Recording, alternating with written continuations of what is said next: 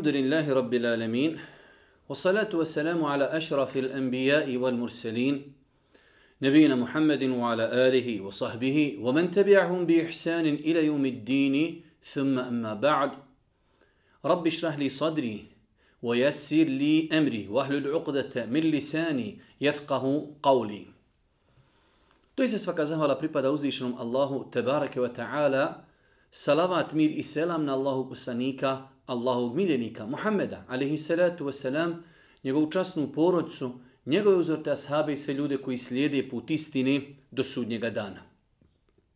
Uvažna braćo, poštovani sestre, uvaženi gledatelji, kao što znate, mi već duži vremena družimo se sa temom odabrani ajeti iz Kur'ana ili tefsir, tumačenje, razmišljanje o odabranim ajetima iz Kur'ana.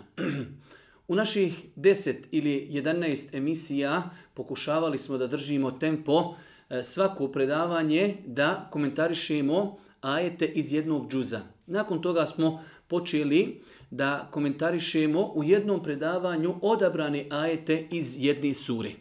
Evo večeras ako Bog da u našem, ako se dobro sjećam, 14. druženju, družimo se sa surom Ar-Ra'd. Nakon što smo govorili o suri Hud, nakon što smo govorili o odabranim ajetima iz sure Jusuf, došli smo do sure Ar-Ra'd. Na samom početku ove sure uzvišnji Allah subhanahu wa ta'ala kaže Elif, la, mim, ra. Tilke ajatul kitab, والذي أنزل إليك من ربك الحق ولكن أكثر الناس لا يؤمنون ألف لا ميم را Ovo su ajeti knjigi a ono što ti se objavljuje od gospodara tvoga istina je, a većina ljudi neće da vjeruje. Allah je nebesa, vidnim ih, bez stubova podigao i onda se iznad arša uzvisio i sunce i mjesec počinio, sve se kreće do roka određenog. On upravlja svime i potanko izlaži dokaze da biste se uvjerili da ćete pred gospodarom ili pred gospodara svoga stati. Ova sura, vidjet ćemo, e, mnogo, mnogo tretira određeni racionalne dokaze koji ukazuju na postojanje uzvišnog Allaha subhanahu wa ta'ala, iako mi smo rekli više puta, e, Kur'an je takav da jednostavno u jednom ajetu nekada tretira više tema, a da ne govorimo da jedan ajet tretira jednu temu, nakon toga u drugom ajetu se tretira nešto potpuno, potpuno drugom. U svakom slučaju, braću moja cijeni sestre, e, želimo da napominimo, e, ciljovi naših druženja jeste da ljudima približimo Kur'an. Jednostavno, velik broj ljudi možda nikada nije otvorio Kur'an, ne zna šta to ima u Kur'anu. Želimo da ljude praktično podučimo kako i na koji način da žive i da se druže sa Kur'anom. Pa da vidimo ova prva dva ajeta, kaže uzvišeni Allah, Elif, La, Mim, Ra, ovo su ajeti knjige, a ono što ti se objavljuje od gospodara tvoga istina je. Ono što ti se objavljuje od gospodara tvoga istina je. Imamo dvije koristi. Objava je od uzvišenog Allaha, a s druge strane ona je istina.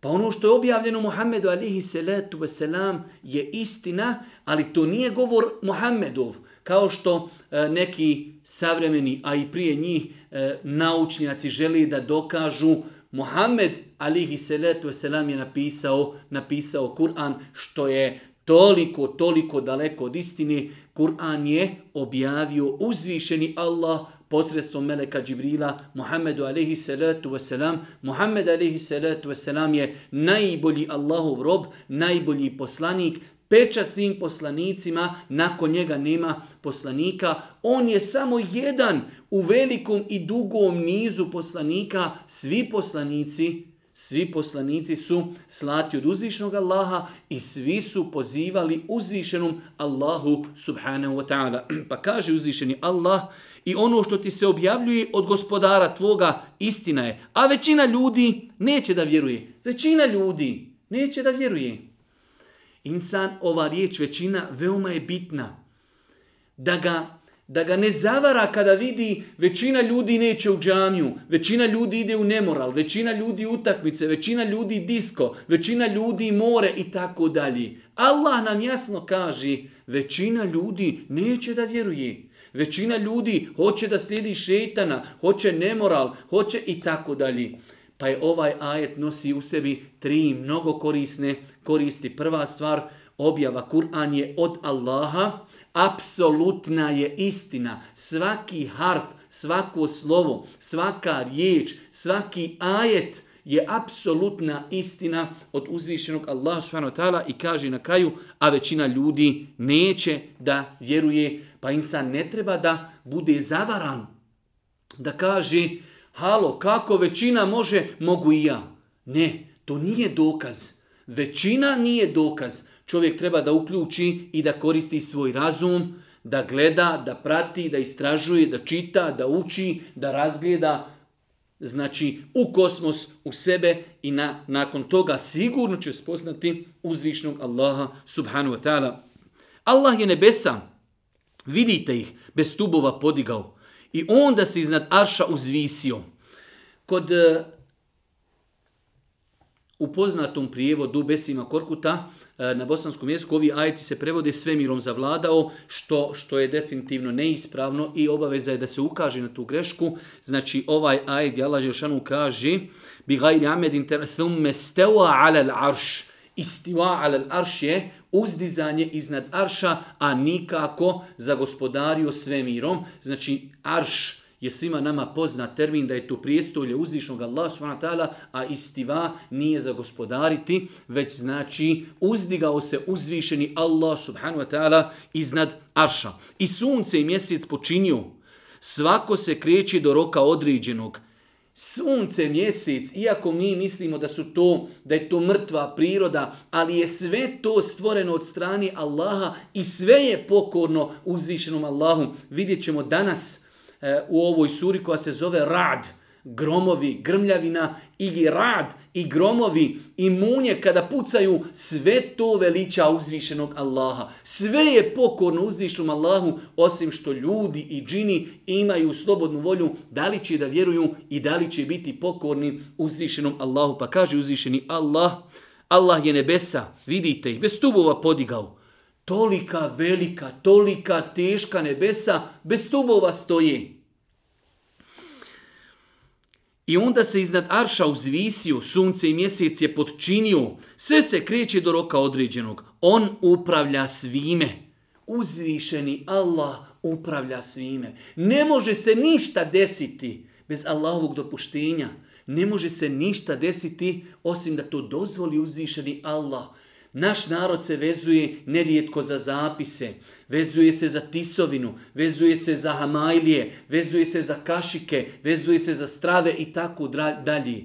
Ne može se ništa desiti bez Allahovog subhanahu wa ta'ala odobrenja i bez njegovog znanja. I potanko izlaži dokaze da biste se uvjerili da ćete pred gospodara svoga stati. On vam sve to izlaži, da vidite sunce, da vidite mjesec, da vidite mnoge dokaze oko vas kako bi bili ubijeđeni da ćete jednog dana umrijeti i biti proživljeni i stati pred svoga gospodara i polagati račune za ono što ste radili.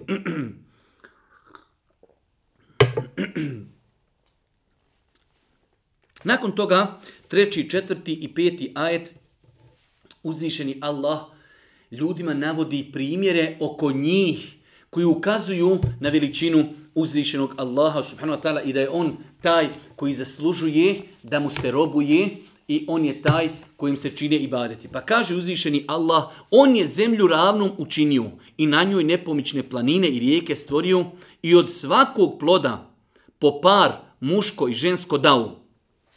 Allah je stvorio zemlju. Allah je stvoritelj zemlje i nebesa.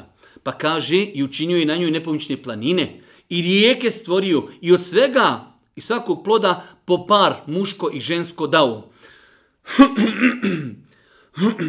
On dan zastire noću. To su doista dokazi ljudima koji razmišljaju. Promjena dana i noći, zemlje, planina, rijeke.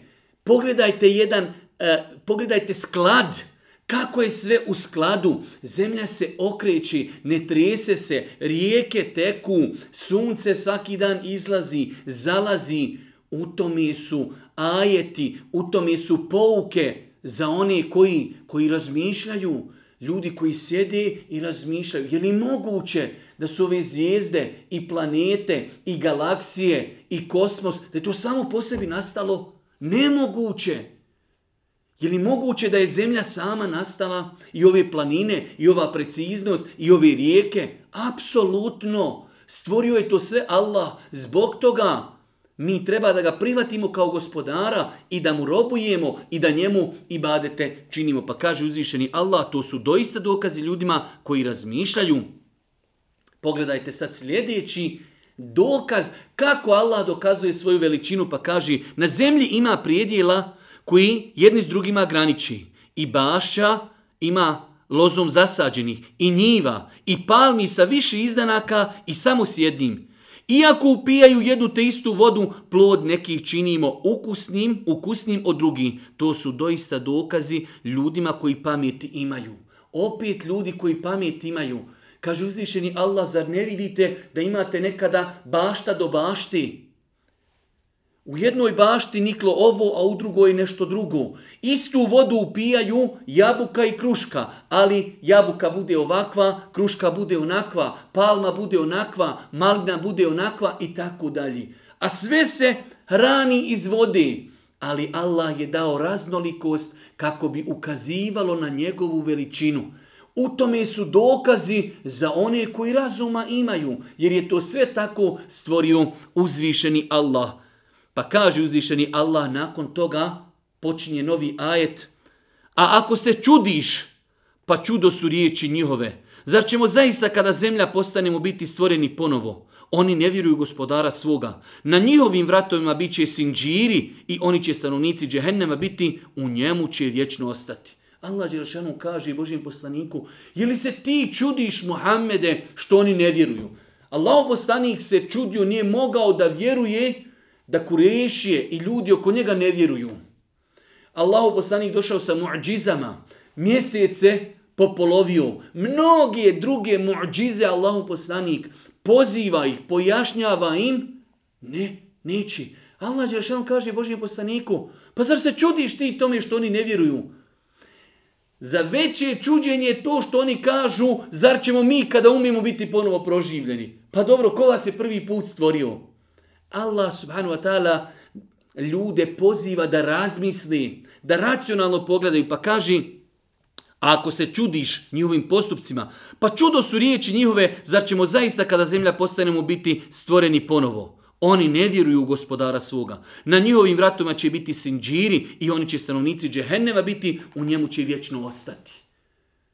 Zar možemo kad struhnemo, zar možemo ponovo biti proživljeni? La ilaha illallah. Pa ko je stvorio zemlju? Pa ko je stvorio nebesa?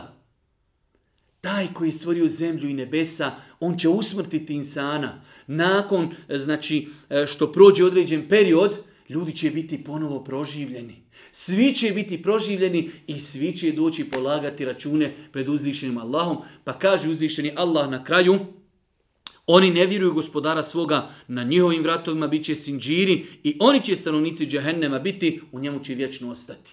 Onaj ko ne vjeruje, a pored njega toliko dokaza racionalnih, Na muslimanima najjači je dokaz rekao Allah, rekao poslanik.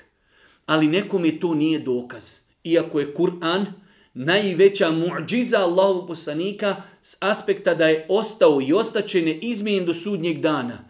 Tretira teme koje je nemoguće bilo da je Muhammed a.s. izrekao, pa je Kur'an najveća muđiza u svakom pogledu. Ali mimo toga, oni koji ne vjeruju u Kur'an, evo vam dokazi oko vas samih. Pogledajte sunce, pogledajte mjesec, pogledajte zemlju. Je li moguće? Je li moguće da je to sve nastalo samo po sebi? Dobro, što danas to ponovo nešto ne nastani? Zašto danas se ne otkrije neka nova zemlja, neka nova, neki novi kosmos i tako dalje? Sve je to stvorio uzvišeni Allah, a ako ustvrdimo da je On sve stvorio, onda je On naš gospodar. On nas je stvorio s ciljem da njemu robujemo, da vidi kako ćemo se ponašati. On će nas usmrtiti, on će nas proživjeti i njemu ćemo srogi račune polagati. Oni koji ne budu vjerovali, pored toliko jasnih dokaza, Allah kaže, ostaće u džehennemu vječno, zbog svog inada, zbog svoje tvrdoglavosti, a ružno je on boravište. Kaže uzvišeni Allah u šestom ajetu bi Hasene. Oni traži od tebe prije kaznu nego milost, a bilo je kazni prije njih. Gospodar tvoj ljudima prašta i uprkos zulumu njihovu, a gospodar tvoj doista istrahovito kažnjava. Oni traži Mohamede od tebe kaznu, Kamo sreće da oni dove i traže daj da nam Allah oprosti. Ne, oni kažu daj ako je to tačno čemu ti pozivaš, daj nek nas uzvišeni Allah kazni, a kaži Allah a bilo je i kazni prije njih. Zašto ne čitaju, zašto ne vide, zašto ne putuju?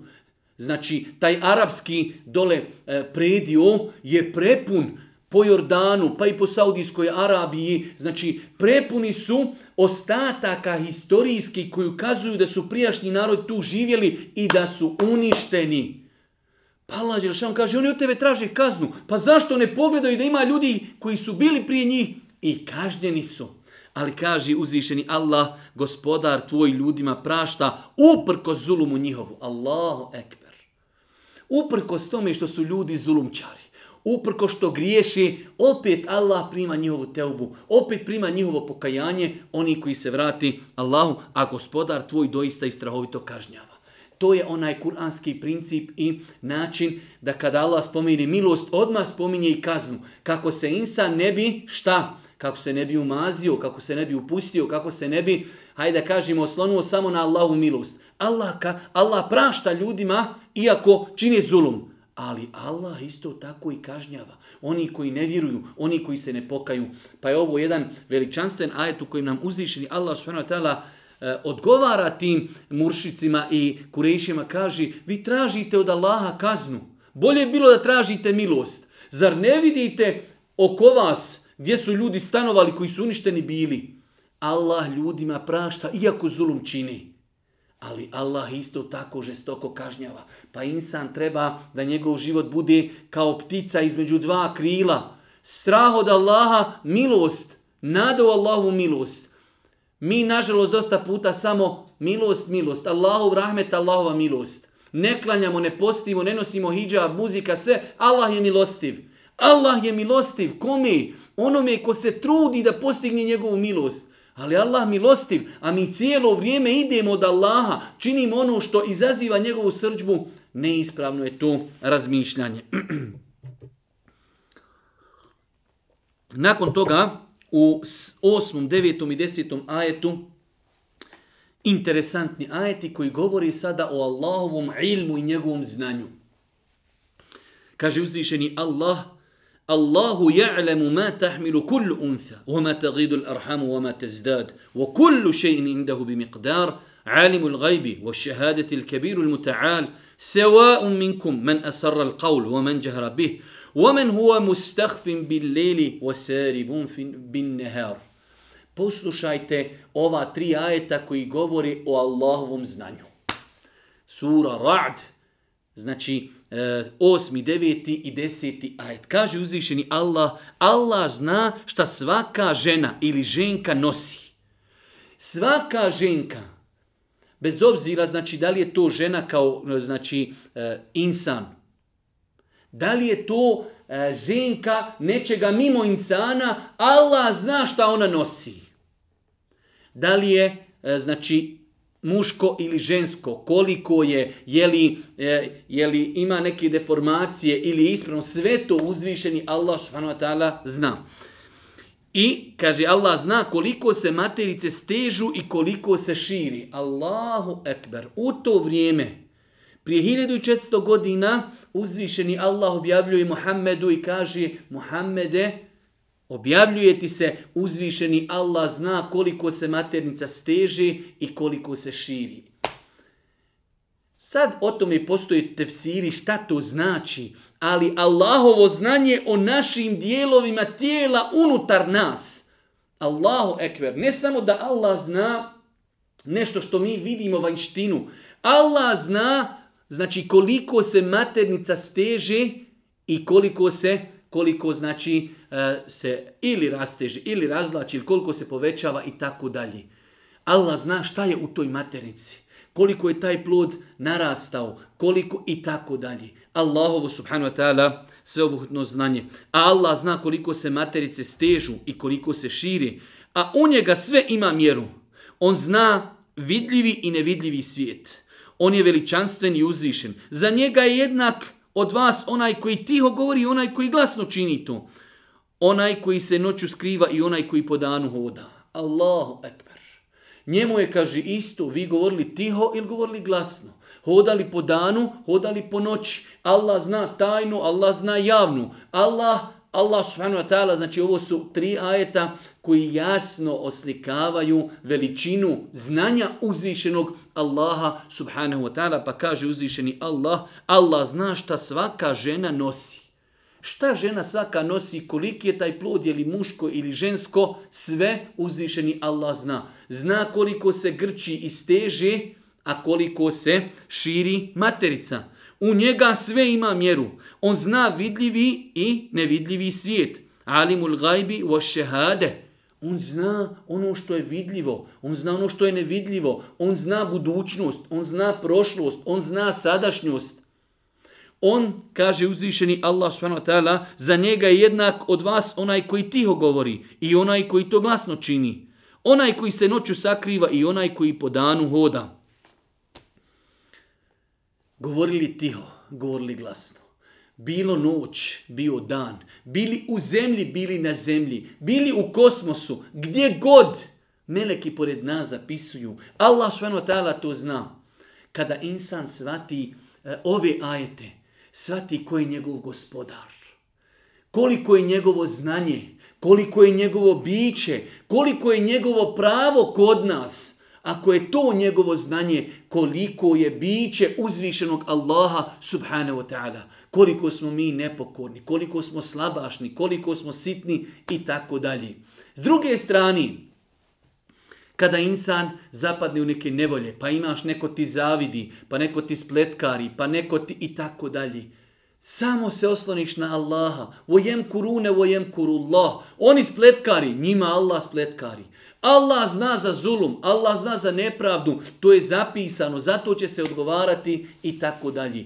Pa Allahovo sveobuhvatno znanje nas odgaja, ukazuje nam na njegovu veličinu, ukazuje nam na našu slabost, ukazuje nam da se trebamo na njega oslonuti jer on zna, on zna apsolutno sve.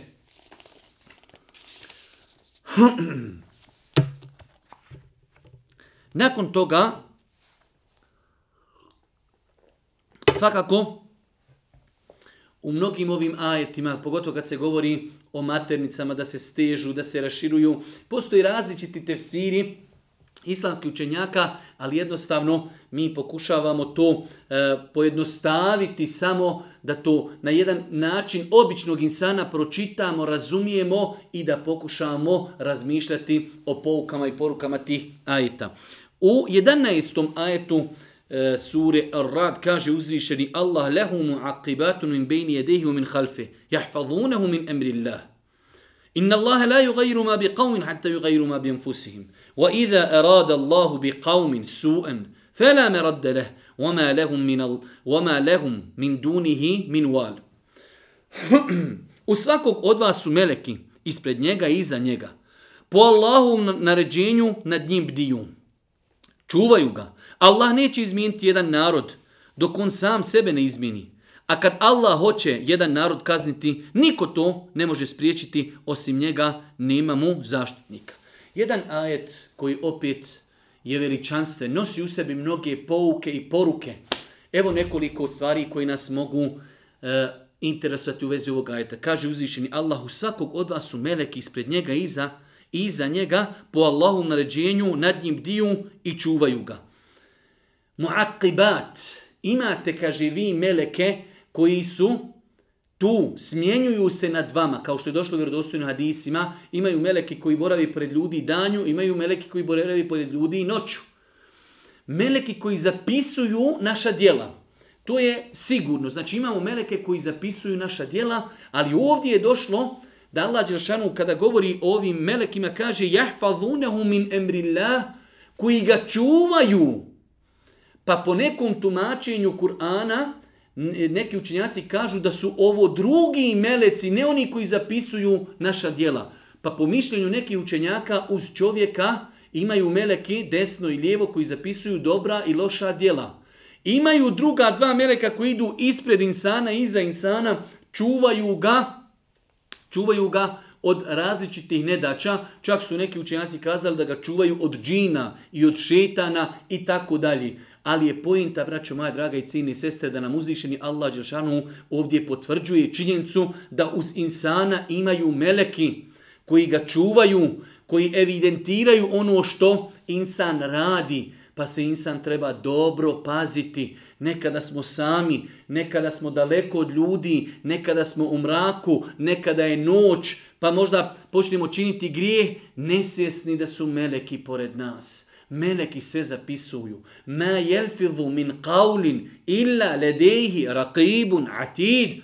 Oni nikada ne reknu neku riječ, a da nisu pored njih oni koji zapisuju. Pa kaže uzvišeni Allah, lehumu aqibatun min bejni jedehi min halfi, jahfadhunahu min Allah. Inna Allahe la yugayru ma bi qavmin, hatta yugayru ma bi enfusihim. Allah neće popraviti stanje jednog naroda. Ovo je jedna velika kuranska formula dok se taj narod sam ne počne mijenjati. Braćo moja dragi cini sestre, mi se žalimo, ne velja nam stanje, teško nam. Teško nam je zato što smo mi bili razlog tomi. Sve dok mi budemo išli od Allaha, Allah će nas prepuštati nama i šeitanima. Kada mi krenemo Allahu, Allah će pomoći. Inna Allahe la yugayiru ma bi Hatta yugayiruna bi Allah neće popraviti stanje jednog naroda dok se taj narod ne popravi. I s druge strane, Allah neće narodu oduzeti nijamete i blagodati, sve dok oni ne počnu zlopotrebljavati te nijamete. Ovo je mnogo bitno. Allah ljudima neće oduzeti blagodati i hrani, i mira, i blagostanja, i, i, i, i, sve dok oni te blagodati budu koristili na ispravan način. Kada se oni okrenu od Allaha, počnu na haram i neispravan način koristiti blagodati, mogu očekivati odlazak blagodati. Pa braćo, moja draga i cini sestre, treba da znamo da je prvi korak do nas. Mi smo na redu. Mi treba da počnemo. Allah neće popraviti stanje naroda dok oni ne počnu. Kada oni počnu, kada se oni krenu vraćati, Allah će ih pomoći u svemu tomi. Pa nemojte da čekamo da neko drugi popravi stanje. Trebamo početi od sebe. Ku wa ehlikum nara. Čuvajte sebe i porodice svoje od vatri. Od vatri čuvati. Koga? Sebe i našu porodicu. Pa svi treba da počnemo odgovorno da se obhodimo prema sebi, prema svojoj porodici. a porodica je osnovna čelija društva. Kada popravimo porodice, to će značiti da smo krenuli popravljati i cijelo društvo. U protivnom, nemoj da pitamo zašto nam je ovako, dokada će ovo trajati. Trajat će do onog momenta dok se mi ne popravimo, dok mi ne dođemo, dok mi ne dođemo pameti. Pa kaže uzvišeni Allah: "Wa idha arada Allahu bi qaumin su, fala A kad Allah hoće jedan narod kazniti, niko to ne može spriječiti. Osim njega nema mu zaštitnika. Allah ako hoće neki narod kazniti, on je sve mogući. On je sve mogući, ne može taj narod spasiti niti pomoći niko osim uzvišeni Allah subhanahu pa ovaj ajet nosi u sebi nekoliko koristi. Naučili smo da oko čovjeka imaju meleki koji ga čuvaju, meleki koji zapisuju njegova dobra i loša djela. Allah Žešanu nam je jasno dao do znanja, neće on popraviti stanje naroda dok se taj narod ne počne popravljati. Neće uzvišenje Allah oduzeti narodu nijamete sve dok oni te nijamete ne budu zloupotrebljavali. A ako Allah Đelešanuhu hoće nekoga kazniti, ne može ga niko spasiti od uzvišenog Allaha subhanahu wa ta'ala. Nakon toga, 12. i 13. ajet iz suri Ra'd Kaže uzvišeni Allah, huwa alladhi yurikumul barqa khawfan wa tam'a. وينشئ السحاب الثقال ويسبه الرعد بحمده والملائكة من خيفته ويرسل الصوائق فيصيب بها wa On vam pokazuje munju da se uplačite i ponadate. I on stvara teške oblake. I grmljavina veliča i hvali njega i meleki i strahopoštovanje prema njemu. On šalje i gromove i udara njima koga hoće. I opet oni raspravljaju o Allahu, a on sve može. Allahu ekbar. Šta nam je sve poručio uzvišeni Allah u samo dva ajeta, 13. i 14. ajet sure Ar-Ra'd. On vam pokazuje munju da se uplašite i ponadate.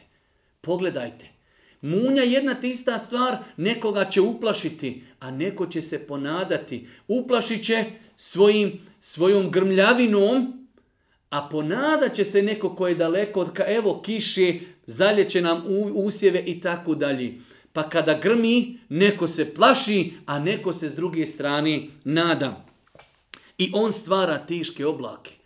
Pogledajte kako Allah Đelšanu odgovara ljudima. Vidimo oblake. Kako su oblaci nastali? Stvorio ih je uzvišeni Allah subhanahu wa ta'ala. I grmljavina veliča i hvali njega. I meleki strahopoštovanja prema njemu. Grmljavina, kada čujete grom, sjetite se ovog ajeta. To grom veliča uzvišenog Allaha. Sve je Allahu pokorno na zemlji. Sve ga veliča osim ljudi i džini. Oni imaju slobodnu volju da li će ga veličati ili ne. Sve mimo toga sve mimo toga veliča i slavi uzvišenog Allaha i sve je pokorno uzvišenom Allahu pa kaže uzvišeni Allah i grmljavina veliča i hvali njega. I meleki i strahopoštovanja prema njemu. On šalje gromove i udara njima koga hoće. I on je opet raspravljao Allahu, a on sve može. Allahu ekber. Jedna od dunjalučkih kazni, pogotovo u nekim predajama se navodi da će to biti često pred sudnji dan, jeste da će ljude pogađati, da će ljude pogađati gromovi i munje. Allah, jedna od kazni kojom Allah kažnjava neke svoje robove na Dunjalku jeste da ih pogodi, da ih pogodi munja i možemo vidjeti, otiđite na internet, na YouTube, pa ćete vidjeti koliko je slučajeva ljudi koje pogodi, pogodi grom. U svemu tome treba da bude nama pouka i poruka. Da se osvjedočimo u istinutost ovih ajeta, da gromovi i oni se pokoravaju i veličaju uzvišenog Allaha subhanu wa ta'ala Allah Žešanu munjom i gromovima zastrašuje ljude, kažnjava ljude, a oni se i dalje, kaže, raspravljaju. Allah je sve mogući. Oni se i dalje raspravljaju ima li Allah, nema li Allah i tako dalje. Pa je ovaj ajet jedan veličanstven ajet koji govori opet o uzvišenosti Allahovoj subhanehu wa ta'ala. U 16. ajetu kaže uzvišeni Allah subhanahu wa ta'ala Reci, ko je gospodar nebesa i zemlji? I odgovori, Allah. Reci, pa zašto ste onda umjesto njega kao zaštitnike prihvatili one koji sami sebi ne mogu nikakvu korist pribaviti, niti od sebe kakvu štetu otklonuti? Reci, zar su jednaki slijepac i onaj koji vidi? Ili zar su isti isto tmina i svjetlo? Ili zar oni koje su učinili Allahu ravnim stvaraju kao što on stvara, pa im se stvaranje čini sličnim, reci Allah je stvoritelj svega i on je jedini i svemoćni. Opet uzvišeni Allah subhanu wa ta'ala ljudima navodi racionalni dokaze o postojanju i veličini uzvišenog Allaha subhanahu wa ta'ala, pa kaže, reci o Muhammede ljudima, Ko je gospodar zemlje i nebesa? Pitaj. Ali nakon toga ti odgovori, gospodar zemlje i nebesa je uzvišeni Allah subhanu wa ta'ala. Pa zašto ste onda umjesto njega kao zaštitnike prihvatili one koji sami sebi ne mogu nikakvu korist pribaviti niti od sebe kakvu štetu otkloniti? Ako je Allah gospodar zemlje i nebesa, zašto uzimate kipove, zašto robujete onima koji stoje, kamen, ne mogu u sebi nikakvu korist pribaviti, niti mogu štetu, ni od sebe, niti od bilo koga drugoga odagnati. Allah SWT u to vrijeme ljude koji su robovali kipovima, poziva ih na razmišljanje. To je kip, to je kamen, ne može nikakvu korist pribaviti ni sebi, ni tebi, niti može kakvu od tebe štetu odagnati. Pa kaže uzvišeni Allah SWT, reci, Zar su jednaki slijepac i onaj koji vidi? Ili zar su istu tmina i svjetlo? Je li isti slijepac i onaj ko vidi? Je li mrak i svjetlo istu, Je li uputa i kufr isto? Je li grijeh i moral isto? Ama nije isto. Odgovor je nije isto. Nije isto istina i neistina. Nije isto vjerovanje i nevjerovanje. Nije isto moral i nemoral. Nisu isto grijesi i čednost. Ama nije isto. Nije isti insan koji vidi Vidi dokaze Allahove, razumije, razmišlja. Insan koji je, pored toliko dokaza, slijep, ima oči, ali slijep, ne vidi kosmos, ne vidi sebe, ne vidi, ne vidi tolike dokaze oko, oko nas. Zar, zar oni koji su učinili Allahu ravnim stvaraju kao što on stvara, pa im se stvaranje slično, slično učinilo? Kaže, Allah Žešanu se obraća opet ljudima na racionalan e, način. Zar kaže, oni kojima vi robujete, jel to i oni nešto mogu stvoriti? Pa se to vama pobrkalo između Allahovi stvorenja i njihovi. Ama sve što ima je Allah stvorio. Kako rasuđujete? Kao Allah Žešanu, pogledajte ovog pitanja. Subhanallah il azim, kako je to veličanstveno pitanje. Zar oni kome vi robujete, zato i oni nešto mogu stvoriti, pa vam se to pobrkalo i pomiješalo sa Allahovim stvorenjima. Ama Allah je sve stvorio. Ako je On sve stvorio, On je naš gospodar. On nas je stvorio, njemu da robujemo, njemu da ibade činimo, njemu da se pokoravamo. Subhanallahi, subhanallahi la'avim. Reci, Allah je stvoritelj svega. Kul, قُلِ اللَّهُ خَالِقُ كُلِّ شَيْءٍ وَهُوَ الْوَاحِدُ الْقَهَّارِ I on je jedini i svemoćni. Allah sve stvara. Jedna kuranska, jedna kuranska formula. قُلِ اللَّهُ خَالِقُ كُلِّ شَيْءٍ Allah je sve stvorio. Nemojte da nasjednemo na priču, na teoriju. Čovjek nastao od majmuna ili ovo, zemlja nastala od majke prirode. It. Allah je stvoritelj svega. Naučimo kuransku formulu i mirna Bosna. Allah je stvoritelj svega. On stvara sve. On usmrćuje. On daje život. On kada želi nešto samo kaže budi i ono i ono budni. Nakon toga, nakon toga 18. 18. ajet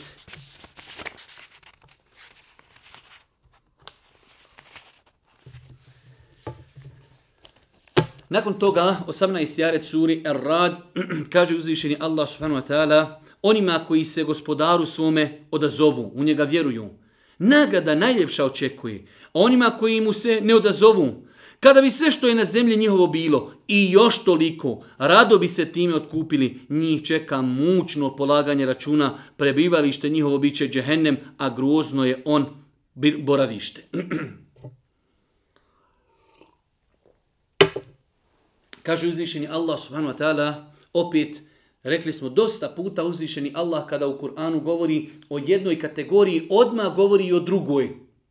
Kako bi se ljudi preispitali, kako bi napravili komparaciju. Pa kaže uzvišeni Allah, onima koji se gospodaru svome odazovu i u njega vjeruju, nagrada najljepša ih čeka. To je dio ajeta, nastavlja. A onima koji mu se ne odazovu, koji ne budu vjerovali, kada bi sve što je na zemlji njihovo bilo i još toliko, rado bi se time otkupili. Subhanallah, brate moji, dragi na sestro, pogledajte ovaj ajet. Mi nekada ostavimo namaz zbog dnevnici, ostavimo zbog šetnji, zbog šopinga, zbog utakmice, zbog filma i tako dalje.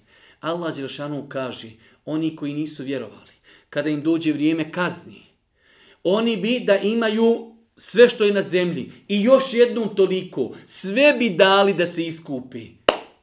A nema gotovo. Nemoj da dozvolimo, nemojte da dozvolimo da prolazni dunjaluk bude razlogom da prodamo ahiret, da zaslužimo Allahovu srđbu. Znam da nisu lahka vremena, znam da je teško, znam da je mnogo izazova, znam da je mnogo islamofobije, znam da su obaveze velike i ja živim na ovoj planeti zajedno sa vama ali moramo pokušati sebe i svoje poroce i svoje obaveze organizirati shodno principima uzvišenog Allaha subhanahu wa ta'ala. Ne smijemo dopustiti da se poigrajemo sa ahiretom, kaže uzvišeni Allah, a onima koji mu se ne odazovu, koji ne budu vjerovali, kada bi sve što je na zemlji njihovo bilo i još toliko, rado bi se time otkupili. Ne može više, ne troši se pa ništa ne zaslužuje da zbog toga izgubimo Allahovu milost, da zaslužimo, ne daj Bože, zbog ničega Allahovu, Allahovu srđbu. nakon toga, nakon toga u 22. 22. odnosno 25. ajetu kaže uzvišeni Allah subhanahu wa ta'ala u 26. majetu, izvinjajim se, Allahu jebsutu rizqa limen ješa'u wa jakodir, wa ferihu bil hajati dunya, wa men hajatu dunja, i, wa hajatu fil ahirati illa meta'a. Allahu jebsutu rizqa limen ješa'u wa jakodir, wa ferihu bil hajati dunja, wa hajatu fil ahirati illa meta'a. Kome hoće, Allah daje u obilju, a i uskraćuje on kome hoće. Oni se u životu na ovom svijetu, a život na ovom svijetu prema onom svijetu samo je prolazno uživanje. Allahu ekber. Dvije veoma bitne činjenice u jednom ajetu. Allahu tur rizqa li men ješa'u wa yaqdir. Allah je taj kome daje, kome hoće na faku, a kome hoće on je uskraćuje. Allahu ekber. Braćo moja draga, spoznajmo ovu činjenicu i razrahatimo se. Allah je taj koji zna kome će povećati na faku, kome će umanjiti.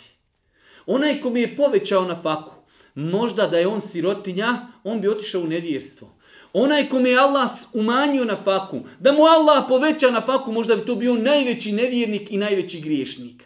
Pa je Allah taj. Allahu jebsu tu rizqa limen ješa'u wa jakodir. On je taj koji daje kome hoće i uskraćuje kome hoće zbog mudrosti koju on zna.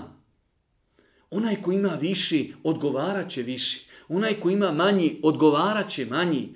Allah je mudar, Allah je sveznajući. On daje rizki na faku kome hoće. Iako smo nedavno govorili da dosta puta mi rizki na faku svatamo poprilično usko, Rizki na faka kod nas su samo pare i materija. Zaboravimo mi na mnoge druge stvari kolike su blagodati oči i jezik i uši i zdravlje i porodica i djeca i supruga i ugled i znanje i pronicljivost i ljepota i komšija. Mnogo, mnogo drugih stvari. Sve to možemo kazati da je rizik od Allaha. Pa nekome Allah uskrati, da kažemo, uskrati mu materiju ali mu da zadovoljstvo. Da mu da ga ljudi voli, da mu pokornu djecu, da mu čestitu suprugu. Imate ljudi bogat, djeca ga ne slušaju. Ne vjeruje supruzi ili supruga ne, vjeruje čovjeku. Ima problema sa zdravljem, ima problema s komšijama, ima problema s kriminalcima i tako dalje. Pa je Allah milostiv, Allah je mudar, Allah je pravedan. Ako nekome nešto oduzme, on mu to nadomjesti. Koliko puta smo vidjeli ljude koji ne vidi, ali ima Allah to domjesti na drugi način. Pogledajte, velikana ovog ummeta i ovog stoljeća, šeh bin Baz, rahmetullahi alihi, bio je slijep. Ali mu je to uzvišeni Allah nadomjestio razumijevanjem, razumom, e, ljepotom, na, nadomjestio mu e, širokogrudnošću o kojoj se priča i govori i piše i dan danas. Allah mu skratio vid, a dao mu nešto mnogo veći. Pa je Allah taj koji ljudima daje na faku. On je uskraćuje i daje kome je hoće, koliko hoće. Pa kaže uzvišeni Allah, oni se raduju životu na ovom svijetu. A život na ovom svijetu prema onom samo je prolazno uživanje. Oni, oni koji ne vjeruju, raduju se dunjalku, daj auto, daj kuću, daj more, daj jahtu i tome se, tome se e, raduju. A to u odnosu na ahiret, to je varljivo naslađivanje u redu. O tome smo puno puta govorili, nema smetnje da musliman bude bogat i da ide na more, tamo gdje nema razgoličenosti, i da ima jahtu, i da ima auto, i da ima kuću, i da ima vilu. Samo neka je stečeno na halal način i neka ga to ne odvodi od uzvišenog Allaha. Pa nema smetnje da insan to ima, ali ne da se tome toliko raduje, da ga to odvuče od Allaha, da zaboravi na ahiret, da zaboravi na Allahovo zadovoljstvo, jer ono što imamo na Dunjaluku, to je varljivo naslađivanje, gdje ne smijemo dozvoliti da nas to zavede od uzvišenog Allaha subhanu wa ta'ala i njegovih smjernica.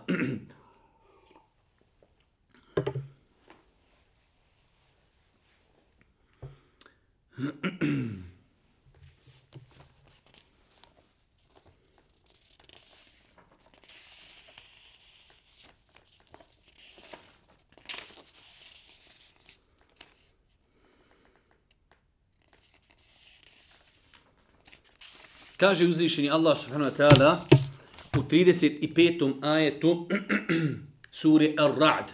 Opet jedno kuransko pravilo koje nam je mnogo bitno. Meselul dženneti leti vu'ide l-muttaqun.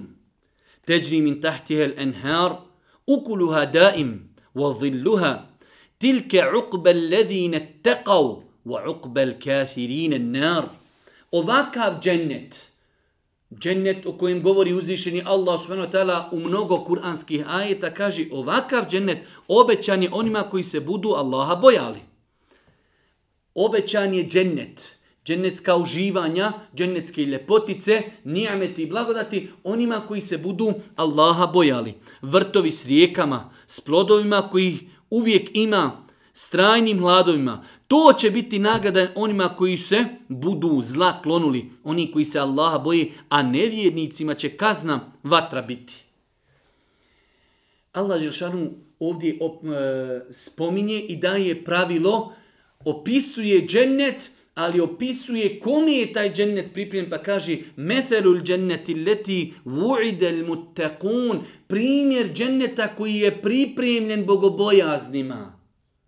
Allahu ekber, pripremljen je bogobojaznima. I opet na kraju kaže uzvišeni Allah, tilke uqbel ledine tekav, to stanište je za one koji se Allaha budu bojali. Bogobojaznost je između sebe i Allahove kazni napraviti prijegradu pokornošću.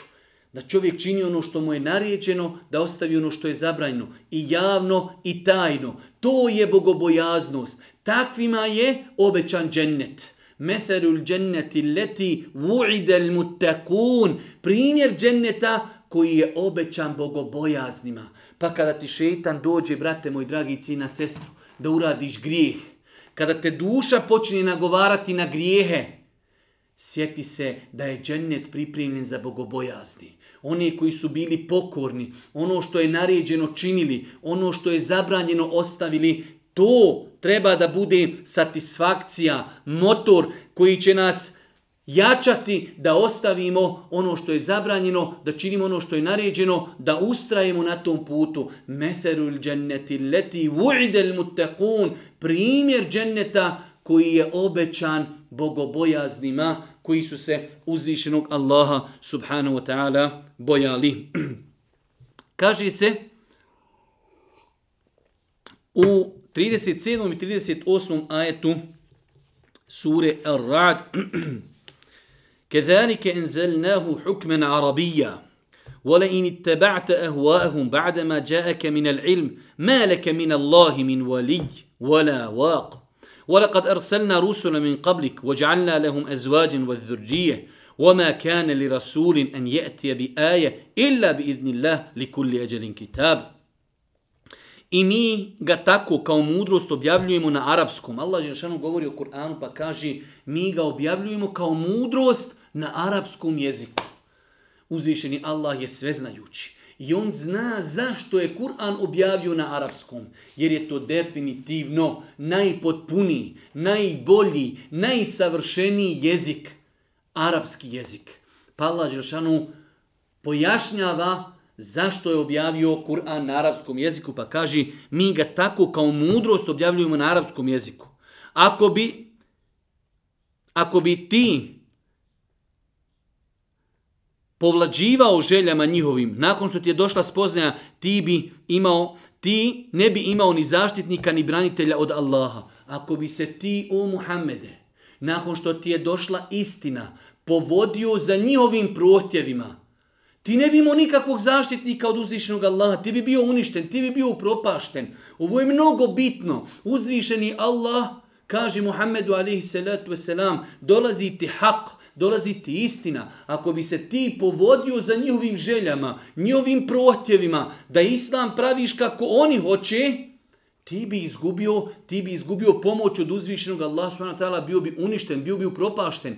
Tako i danas muslimani, Treba da čovječanstvu predstavi islam. Ovo je islam, ovo je original. Ne treba nam kopija, ne treba nam uvrnuti islam, prilagođeni islam, bosanski islam, turski islam, evropski islam, američki islam. Islam, jedan originalni nam treba. Samo sa takvim islamom možemo pomoći čovječanstvu. Samo sa takvim islamom možemo usrećiti ljude. Islam je original, ne treba kopija Islama, nikakva. Allah Đerašanu poslaniku zabranjuje da se povodi za njihovim željama.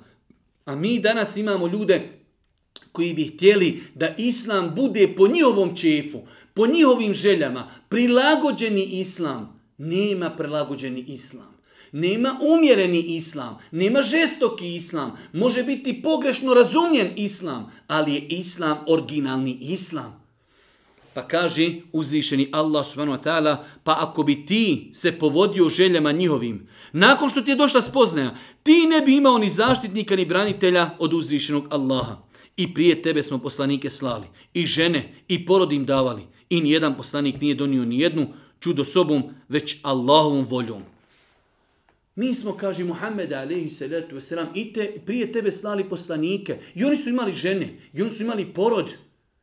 Ovdje je dokaz da Muhammed alaihi salatu wasalam je insan kao i drugi insani. Da, odabran je od Allaha, ali on ima porod, on ima suprugu, on ima djecu, on ima unučad, on ima obaveze kao svako drugi. Allah ga je odabrao da bude poslanik, da dobiva objavu, ali on nema božanske nikakve osobine.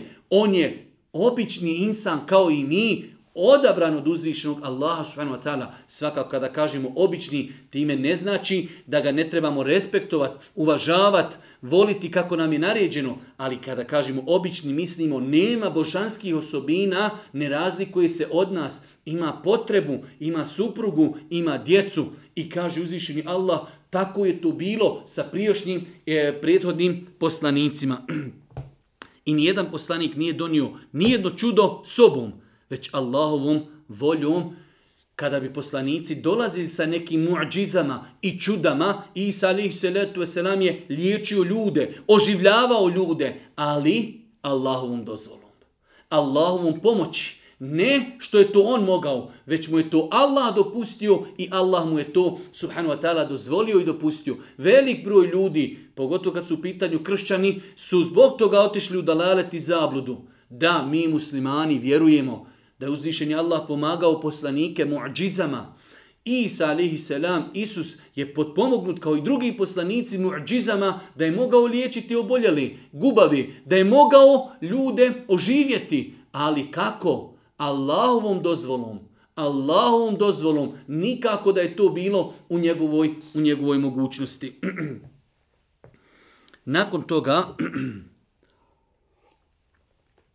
u 40 i 42. ajetu, to je predzadnji ajet koji ćemo evo večeras ako Bog da komentarisati, Sura Ar-Rad 42. ajet Evolem jerav enna ne'til arda nenkusuha min atrafiha. Wallahu jahkum la mu'aqiba li hukmihi wa huwa seriul hisab. Zar oni ne vidi da mi, da i mi zemlju sužavamo umanjujući pogranični oblasti? Zar oni ne vidi da mi zemlju sužavamo umanjujući kako je prevedeno, umanjujućoj joj pogranični oblasti? Evolem jerav Enna ne'til arda nenkusuha min atrafiha. Zar oni ne vidi da mi zemlju sa njenih bokova i strana smanjujemo? Islamski učenjaci su se razišli u pogledu ovih ajeta, šta oni, šta oni znači. E, ono što prvo počinjemo od toga jeste da je to apsolutna istina. U datom momentu određene ajete ljudi ne mogu znati šta je Allah Đelšanu time želio da kaže, pa se islamski učenjaci, mufesiri, pokušavali su da dođu do, do, do ispravnog razumijevanja ajeta. Znači mi muslimani vjerujemo da svaki ajet je apsolutna istina, ali u datom momentu nešto ne možemo razumjeti. Pa se vraćamo šta su islamski učenjaci kazali u pogledu toga, pa su kazali e, zar oni ne vidi da i mi zemlju sužavamo umanjujući manjujućoj pogranične oblasti. Po velikom broju učenjaka ovaj ajet znači zemlja se smanjuje onog momenta kada nestaju njeni učenjaci. Kada nestaju učenjaka zemlja se stješnjava. S druge strane, velik broj učenjaka je kazao da je ovaj ajet bio poziv Kurešijama. O Kurešije, zar ne vidite da se zemlja oko vas smanjuje? Al Muhammed a.s. salatu wasalam osvaja, ljude oko Meke, ljudi ulaze u islam, zar vi ne vidite da se zemlja oko vas smanjuje, zar vam to nije dokaz, zar nećete povjerovati, zar se nećete povinovati i tako dalje. Pa je to jedno od značenja ovog kuranskog ajeta, zar oni ne vide da im mi zemlju sužavamo, u joj pogranične oblasti. A Allah sudi, odnosno Allah određuje, Allah propisuje, niko ne može presudu njegovu pobiti i on brzo račun svodvi. Niko ne može, kada Allah nešto odredi, kada Allah s.w.t. nešto propiši, niko ne može to zaustaviti. Ako Allah odredi da će neki narod biti uništen, to niko ne može zaustaviti. Ako Allah odredi da će neki narod biti e, u prosperitetu, u nijametima, u blagodatima, to ne može, to ne može niko, to ne može niko zaustaviti. Niko ne može presudu njegovu pobiti i on brzo račun svodi. Spletke su pleli i oni, i oni prije njih. Samo Allah je gospodar svih spletki. Allah Žešanu, mi smo o tome više puta govorili u Amekeru, u Ameker Allah oni koji spletke čini, Allah subhanahu wa ta'ala čini e, njima spletke. Allah je gospodar svih spletki. On zna šta svako zaslužuje, a nevjernici će sigurno saznati koga čeka najljepše boravište. A nevjernici će sigurno saznati koga čeka najljepše boravište. I 43. ajet, i to je ako Bog da, posljednji ajet u večerašnjem predavanju, Kaže uzvišeni Allah, وَيَقُولُ الَّذِينَ كَفَرُوا لَسْتَ مُرْسَلَا قُلْ كَفَى بِاللَّهِ شَهِيدًا بَيْنِي وَبَيْنَكُمْ وَمَنْ عِنْدَهُ عِلْمُ الْكِتَابِ Oni koji ne vjeruju govori, ti nisi poslanik. Reci, meni i vama dovoljan će biti kao svjedok Allah i oni koji imaju znanje iz prethodnih knjiga. Iako je ovaj zadnji dio preveden na jedan drugačiji način.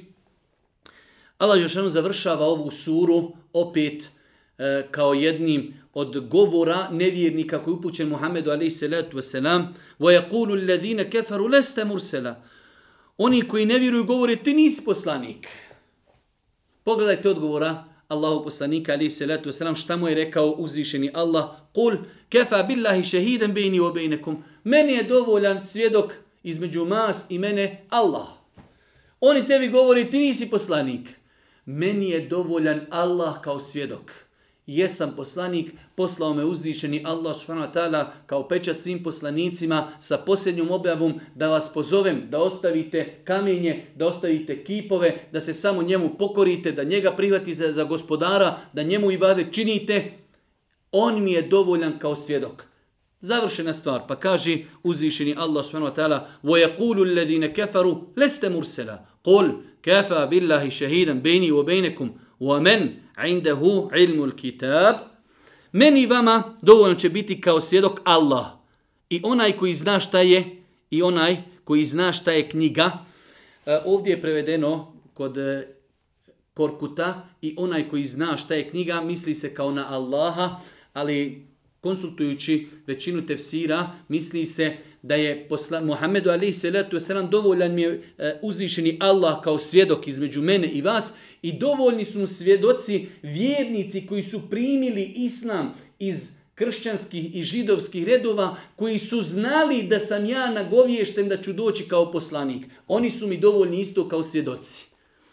Većina, znači, mu fesira ovaj ajet ovako prevodi meni je dovoljan Allah kao svjedok da sam poslanik, a dovoljni su mi za svjedoka i oni iz židova i kršćana koji su primili islam, a znali su da ću ja doći jer su imali nagovješteno u njihovim, u njihovim knjigama. Pa znači posljednji ajet u suri Ar-Rad uzvišeni Allah to završava na način Govore ti nevjernici o Muhammede ti nisi poslanik. Reci meni je dovoljno što će mi biti svjedok između mene i vas uzvišeni Allah i svjedok su mi ljudi, vjernici od kršćana i židova koji su primili islam, a u svojim knjigama su znali i našli su nagovješteno da ću ja doći, da ću biti poslan. Molim uzvišnog Allah subhanahu da nas poduči propisima vjeri, vjeri molim ga subhanahu da nam bude milosti na sudnjem danu. Na kraju subhaneke, Allahumma bihamdike, ešhedu in la ilaha ilan stakfiruke, ve etubu ilik. Oh.